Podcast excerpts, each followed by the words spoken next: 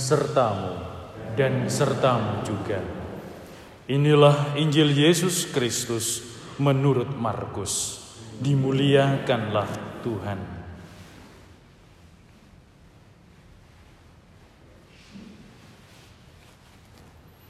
Pada waktu itu beberapa orang Farisi dan Herodian disuruh menghadap Yesus untuk menjerat dia dengan suatu pertanyaan. Orang-orang itu datang dan berkata kepadanya, "Guru, kami tahu engkau adalah seorang yang jujur. Engkau tidak takut kepada siapa pun sebab engkau tidak mencari muka. Tetapi dengan jujur mengajarkan jalan Allah. Nah, bolehkah kita membayar pajak kepada kaisar atau tidak?" Tetapi Yesus mengetahui kemunafikan mereka, lalu berkata kepada mereka, "Mengapa kalian mencobai Aku?" Tunjukkanlah suatu dinar untuk kulihat. Mereka menunjukkan sekeping dinar. Lalu Yesus bertanya, gambar dan tulisan siapakah ini? Jawab mereka, gambar dan tulisan kaisar. Maka Yesus berkata kepada mereka, berikanlah kepada kaisar apa yang menjadi hak kaisar dan kepada Allah apa yang menjadi hak Allah. Mereka sangat heran mendengar dia.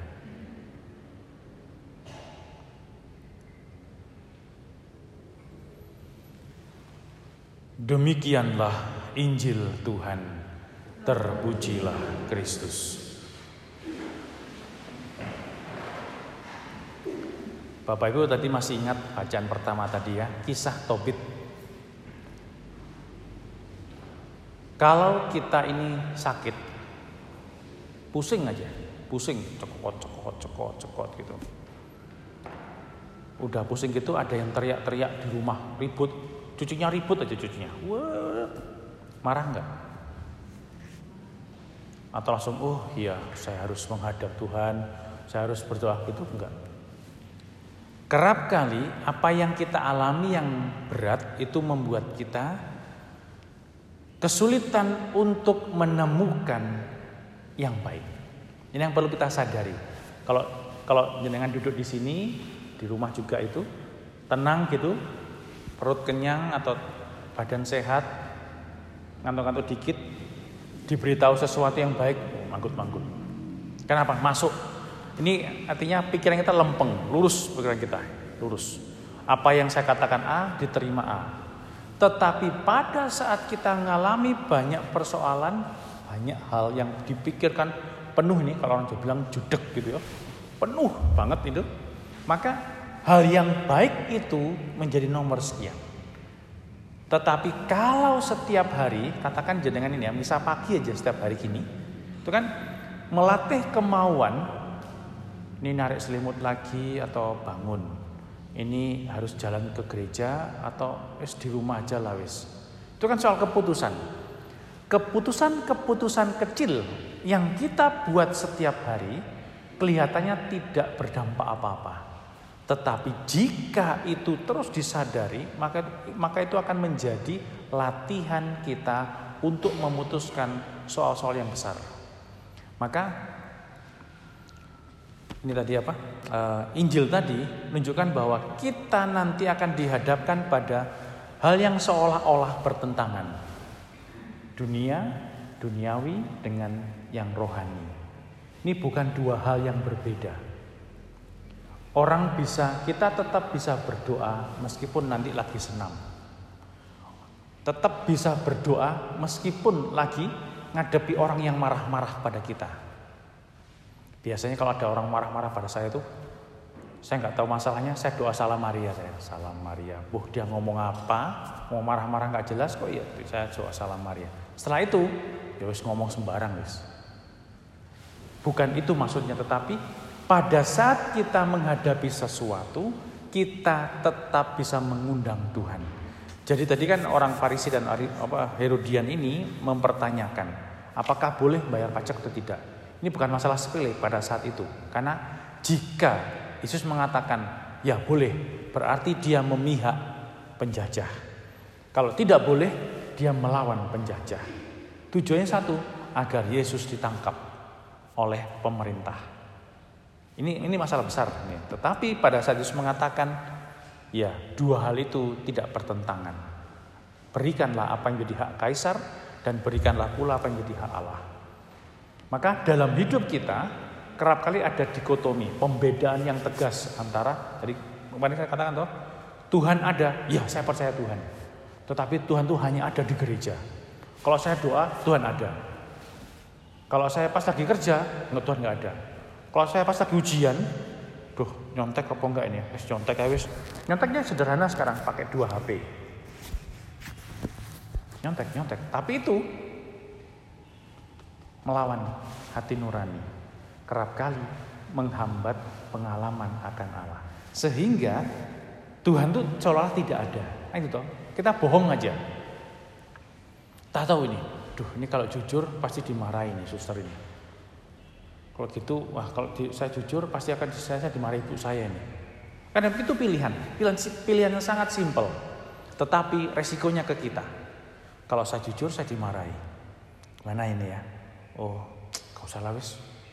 Kecil ini aja, udah bohong. Itu kan seolah-olah Tuhan tidak ada. Tuhan tidak kita anggap. Lalu kita mulai belajar mengabaikan haknya Allah ini. Haknya Allah untuk agar kita ini bertindak jujur sesuai dengan yang dia ajarkan. Lalu kita mulai mengabaikan. Pengabaian ini akan nanti pelan-pelan terus jika ber, ber, ber, berkelanjutan akan menjadikan kita tidak PK lagi pada kehadiran Tuhan.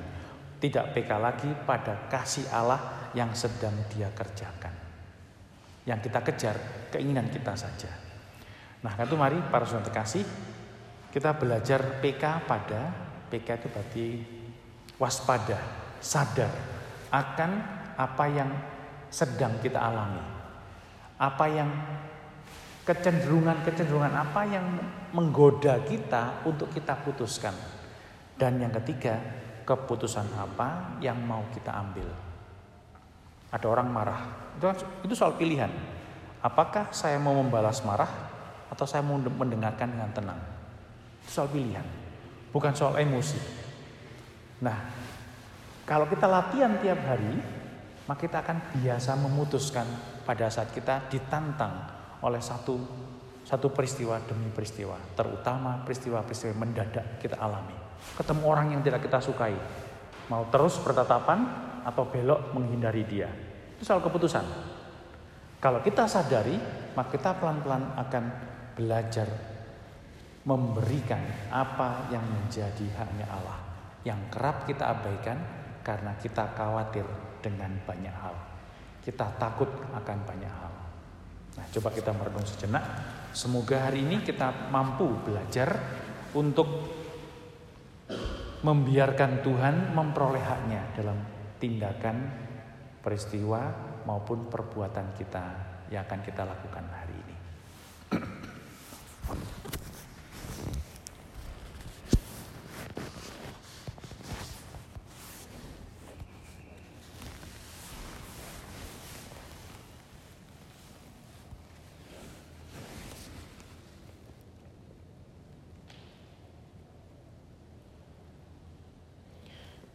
Allah Bapa kami yang Maha Kasih,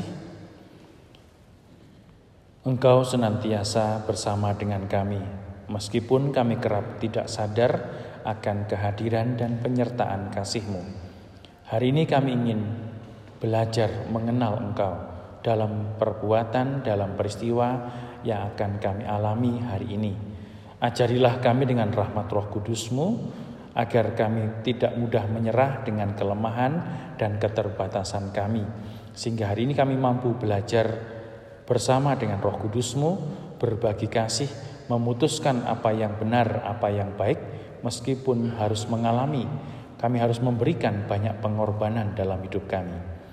Allah Bapa kami yang Maha Kasih, kami ingin berdoa bagi siswa-siswi Adem Papua, SMAK Yosudarso Batu yang akan kembali ke Papua. Semoga rahmat roh kudusmu menyertai perjalanan mereka. mengingatkan mereka akan apa yang baik yang telah mereka pelajari dan alami, sehingga mereka dapat menjadi saksi-saksi kasih-Mu di tempat tujuan mereka.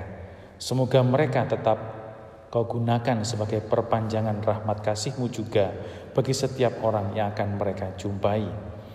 Allah Bapa yang Maha Kasih, kami ingin berdoa bagi Benedikta Ingrid Kumontoy dan Irin Gracia Wijayanti. Semoga Engkau dengan rahmat roh kudusmu juga menyertai tugas-tugas pelayanan mereka, tugas-tugas pekerjaan mereka, agar dalam setiap pekerjaan yang mereka lakukan, mereka tetap dapat mengenali kehendakmu, berbagi kasih dan menolong setiap orang yang membutuhkan kehadiran mereka. Allah Bapa kami yang Maha Kasih, ingatlah pula akan saudara-saudari kami yang telah kau panggil menghadap kepadamu terutama Ibunda Sulastri yang tujuh hari lalu telah kau panggil menghadap kepadamu. Kami percaya selama hidupnya engkau telah menunjukkan rahmatmu dalam hidupnya sehingga melalui hidupnya bersama dengan kami kami mengalami betapa engkau sangat menyayangi dia dan menunjukkan kasihmu melalui hidupnya bagi kami. Kini semoga engkau berkenan menyatukan beliau dalam kasihmu yang sempurna di surga menjadikan dia pendoa dan pembagi rahmat bagi keluarga dan kami semua. Allah Bapa kami yang Maha Kasih, ke dalam tanganmu kami persembahkan hidup kami hari ini demi Kristus Tuhan dan pengantara kami. Amin.